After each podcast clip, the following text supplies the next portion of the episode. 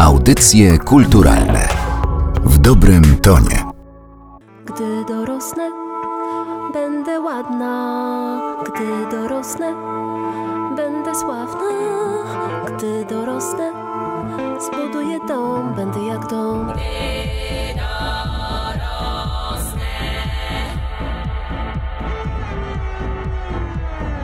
Hej, hej, w tą ciemną toń Nogi wsuń, warkocz swój zanurz też Niech popłyną tam, gdzie życzeń gruba nić. Wije się, lecz uważaj, czego chcesz. W krainie dzikich pszczół Wolno płynie czas. W krainie dzikich pszczół Nie, nie jesteś sam, a ja zamykam się. Mury dzielą nas, a szklane domy, wiesz, nie chronią miodu. Przy mikrofonie Aleksandra Galant. Zapraszam na kolejne spotkanie w audycjach kulturalnych. Dziś w naszym studiu jest wyjątkowy gość. Wcale nie było łatwo nam się spotkać, bo grafik jest napięty, koncertów jest mnóstwo. Dlatego tym bardziej cieszę się, że mam wielką radość i przedstawić i Fiudę. No i tu już zaczyna się problem, bo jak cię przedstawić? Polsko-nigeryjska artystka, wokalistka, piosenkarka, autorka tekstów, czy po prostu multidyscyplinarna artystka? Zdecydowanie do tego jeszcze można dodać aktorstwo. Artyzm przejawia się u mnie w wielu kategoriach, co mnie bardzo cieszy. Chciałabym zapytać o to, co jest dla ciebie w tym najważniejsze, co daje ci największe poczucie spełnienia, ale zakładam, że artyście jest trudno wskazać taką jedną działalność. Ja w ogóle się cieszę, jak mam coś do powiedzenia i jestem w stanie to zrobić w sposób, który mnie zadowoli, a przy okazji jeszcze ktoś inny uzna, że to ma wartość artystyczną, obojętnie w jakiej to jest dziedzinie. Podoba mi się też proces udoskonalania już czegoś, co powstało. Na przykład tak mam z rolą aktorską, mogę ją grać przez dwa lata i za każdym razem każdy spektakl będzie inny. Tak samo z koncertami. To jest pewna rutyna, tak? Grać koncert, aczkolwiek żaden nie jest taki sam i codziennie takie doświadczenie uczy. Uczy nas pokory, bo też próby wyglądają inaczej, spotykamy się z innym zapleczem technicznym, są inne warunki i oczywiście publiczność, ona też jest zawsze różna i to oddziałuje na e, sposób, w jaki się tą sztukę robi. Za każdym razem artysta, kiedy wychodzi na scenę, też jest w innym stanie, odczuwa inne emocje, ma różne doświadczenia, prawda? I ja sobie pozwalam na takie emocje. Nie mam tak, że za każdym razem muszę być maszyną i po prostu obojętnie czy by się paliło, waliło, to muszę robić swoje. Niektóre koncerty są bardziej intymne, a niektóre bardziej dynamiczne, w niektórych bardziej tańczę, a na innych bardziej podchodzę do publiczności lirycznie. Też bardzo lubię, jak dzieci podchodzą do sceny, to ja zazwyczaj wyciągam jakieś ciekawe orientalne instrumenty i im daję. Czy to na przykład grzechotki, które ostatnio kupiłam e, w Pakistanie. To są takie dzwoneczki, które się zakłada na łydki tancerkom i one tańczą w tym i piękne dźwięki, rytmy tym wygrywają. Albo grzechotki, no dzieciaki to lubią i ja też to lubię, bo prawda jest taka, że ja nie lubię za bardzo, jak się na mnie całą uwagę kieruje. I cieszę się, że występuję na scenie nie sama. Staram się tak robić, żebym zawsze miała kogoś na scenie też, ponieważ nie chcę zawężać odbioru muzyki czy właśnie jakichś emocji tylko poprzez swój kanał swojej osoby. Myślę, że im więcej osób bierze udział w tym widowisku i wydarzeniu, jakim jest koncert, tym te emocje są bogatsze. Bardzo się cieszę, że powiedziałaś o publiczności albo o odbiorcach muzyki, bo to jest chyba pytanie stare jak świat, mianowicie czy artysta tworzy dla siebie, żeby opowiadać o tym, co czuje i w jaki sposób to uzewnętrzniać, czy tworzy dla ludzi, bo tak jak zaczęłaś naszą rozmowę, tobie zależy na tym, żeby mieć coś do powiedzenia, żeby ludziom coś przekazywać. Ale też sobie, żeby coś powiedzieć, żeby być w stanie nazwać swoje doświadczenie, nazwać swoje emocje, dzięki temu, wiesz, przejść na jakiś etap wyżej swojej egzystencji. Czy artysta tworzy dla siebie, czy dla publiczności? Ja myślę, że w ogóle artysta, prawdziwy artysta się nad tym nie zastanawia. Jeżeli jest w stanie przechwycić swój nurt twórczy, to wykorzystuje go i jest w stanie jakieś dzieło, bardzo górnolotnie opisując, stworzyć. Myślę, że osoba, twórca, który myśli o tym tylko, żeby dotrzeć do konkretnych osób, czy wpasować się w pewien nurt, czy pewną modę, no bardzo się zawęża i ten artyzm w końcu zamienia się w marketing i w czyste liczby.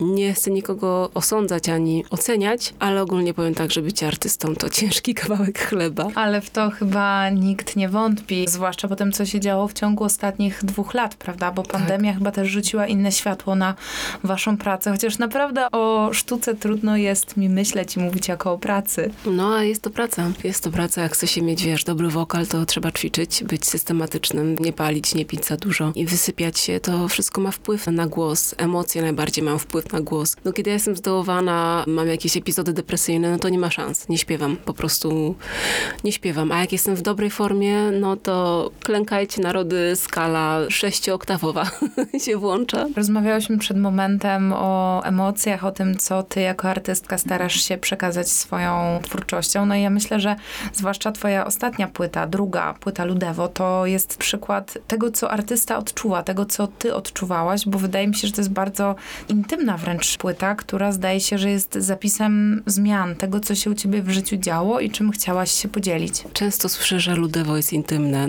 Moim zdaniem każda płyta jest intymna. Te utwory przecież u każdego skądś pochodzą, z emocji, z doświadczenia. Wydaje mi się, że wszystko to, co wytwarza człowiek jest w pewnym sensie intymne, jak mówimy o sztuce, nie mówimy o przemyśle i czysto użytkowych artefaktach. Rzeczywiście, no Ludewo jest taką opowieścią mojej duszy, z pokazaniem pewnej transformacji z moich lat dwudziestych do lat trzydziestych. Jest takim świadectwem mojego dojrzewania, które nie było łatwe i one do tej pory się odbywa. Jest też taką potrzebą otulenia się w takiej wykreowanej rzeczywistości pradawnych matek, natury, ukołysania przez sferę niewidoczną na co dzień, nieobecną na co dzień w dyskursie społecznym, a bardzo potrzebnym dla ludzi po prostu. Czymś niematerialnym, duchowym, kojącym. No i to też jest płyta, na której słychać twój znak rozpoznawczy. Ten znak rozpoznawczy to dla mnie jest łączenie. Łączenie instrumentów, ale też oczywiście łączenie kultur. Nigeryjskiego folku, nigeryjskiej tradycji z polską ludowością, z muzyką polską. To nie są utwory przewidywalne. To nie jest tak, że znalazłaś pewien klucz na to połączenie, tylko że szukasz dalej. No ten etnofolk, ta elektronika, mając chyba gdzieś w tyle głowy tę potrzebę łączenia, szukasz na to różnych wariantów. Też, żeby chyba nam pokazywać, że to można robić w różny sposób, że ta muzyka tradycyjna, folkowa, ona po pierwsze nie jest nudna, po drugie chyba się nie kończy. Słowiańska muzyka folkowa to jest dla mnie takie bogactwo dźwięków, doświadczenia, wirtuozerii, no że mi to ciężko jest w ogóle ogarnąć. Nie jestem w stanie zrozumieć, jak ktoś mówi, że muzyka folkowa jest nudna, bo to jest absolutnie dla mnie niezrozumiałe. W kulturze folkowej ważni są wirtuozi, stopień opanowania instrumentu, sposób interpretacji pieśni, bo może być ogólny zarys jakiejś pieśni i okazuje się, że są setki interpretacji tego samego motywu i tekstowego i muzycznego i również muzycznie można go zagrać w bardzo inny, ciekawy sposób i to mnie fascynuje. To jest ogromna wiedza, której ja wiem, że ja nie opanuję jej w całości, ale ja do czegoś takiego nie dążę. Ja tylko skromnie staram się uszczknąć coś z tego bogactwa i wpleść to w moje doświadczenie muzyczne. A jak mówisz o nigeryjskim y, folku, to wiesz, rzeczywiście on tam gdzieś we mnie jest głęboko zakorzeniony i ja z niego korzystam podświadomie. To nie jest tak, że ja słucham popularnych producentów nigeryjskich, najnowszych, bo akurat ci do mnie nie przemawiają i staram się łapać najciekawsze trendy, najnowsze. Nie, może wyczucie rytmu mam inne. Moi znajomi muzycy, którzy często muszą się nauczyć tego, co ja sama stworzę w domu, w moim domowym studio, mówią, że oni w ogóle nie wiedzą, gdzie jest raz. że ja to inaczej liczę, że tam zaczynam od 3,5. Jak to, co, gdzie to? To jest 3 czy 4? Nie, ja mówię, to jest 3,5. Więc pracując ze mną, trzeba się bardzo otworzyć. Też nie jest łatwe pewnie. Tworzenie muzyki, która wymaga od ludzi tego, żeby się otworzyli, to też jest spora sztuka i to jest chyba najpiękniejsze, co można powiedzieć o swojej muzyce. Pamiętam moją wokalistkę i skrzypaczkę, która ze mną występowała w Must Be Music, Agnieszkę Sroczyńską, która żegnając się ze mną, bo pojechała do Kataru, wyemigrowała tam, powiedziała mi, że ja byłam takim jej tricksterem. Tricksterem to z antropologii wiemy, że to jest taki archetyp, który pojawia się nie wiadomo skąd, robi zamieszanie i znika, nie wiadomo gdzie i kiedy. I ona mówi, że zmieniła mi jej rzeczywistość na zupełnie inne tory, dałam tą rzeczywistość, ale na zupełnie lepsze, ciekawsze. I to było dla mnie największa nobilitacja, że ona coś takiego powiedziała. Ona, jak dla mnie wybitna artystka, powiedziała, że ja jestem jej tricksterem.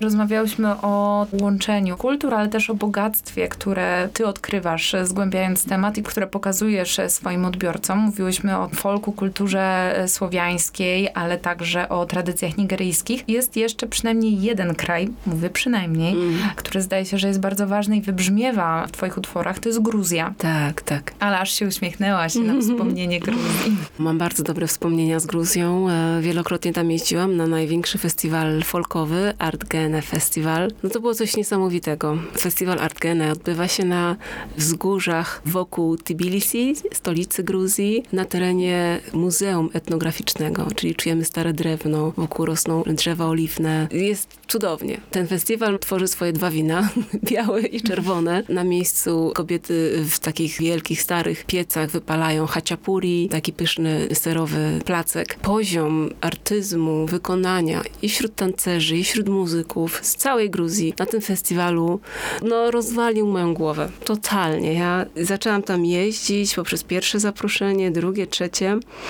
Tam też byłam na weselu moich przyjaciół. Gruzja jest dla mnie bardzo, bardzo ważna. Są wspaniali ludzie, wspaniała muzyka, szczególnie starocerkiewna. Uwielbiam zespół Castellia, czyli 12 pięknych, cudownych kobiet w różnym wieku, ale w większości takich dojrzałych kobiet po 50, które na wielogłosy śpiewają pieśni, które mają ponad 2000 lat. I ja nie wiem, kogo to może nie ruszyć. No ja byłam porwana, zachwycona. Ja czegoś takiego nigdy w życiu nie słyszałam. A pierwszy raz Castellię usłyszałam we Wrocławiu na festiwalu jazzowym. Chciałam zapytać o jeszcze jedną, wydaje mi się z twojej perspektywy bardzo ważną ścieżkę artystyczną, mianowicie o aktorstwo, bo o tym nie mówiłyśmy wcale. Aktorstwo, muzyka, y, no teoretycznie daleko od siebie, ale chyba wcale jednak nie. Jak byłam w liceum, to ja zdawałam do szkoły aktorskiej, ale się nie dostałam. Ale i tak wylądowałam w teatrze. Najpierw w Teatrze Pieśni Kozła we Wrocławiu, potem w prywatnym teatrze my, potem w Teatrze TR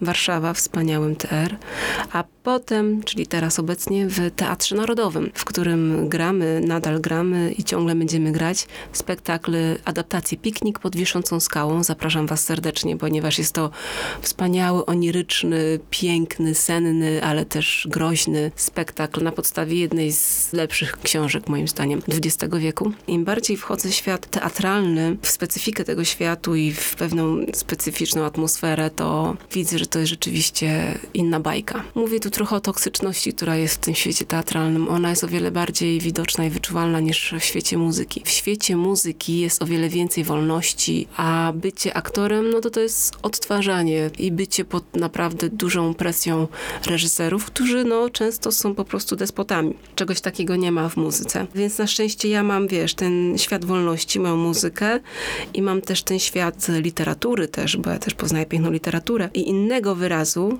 właśnie ten świat teatralny. Zapraszam Was na spektakl Piknik pod Wiszącą Skałą do Teatru Narodowego. A teraz co dalej? Myślę, że ten rok to jest czas na jakieś podsumowania, może na pomysł co dalej. Już wiesz, w jakim kierunku będziesz szła?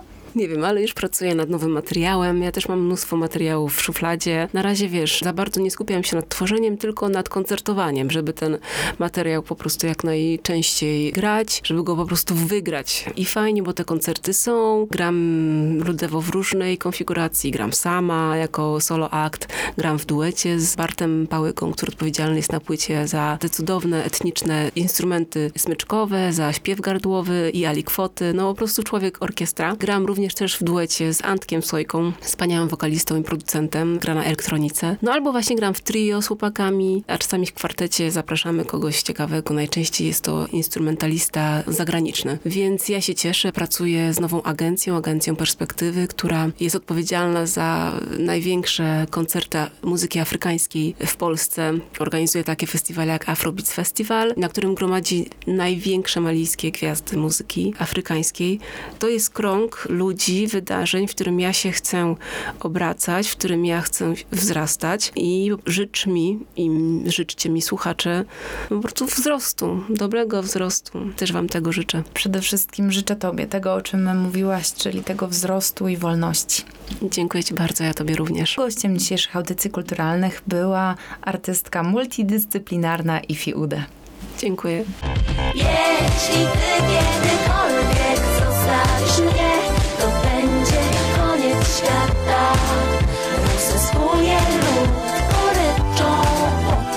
谢谢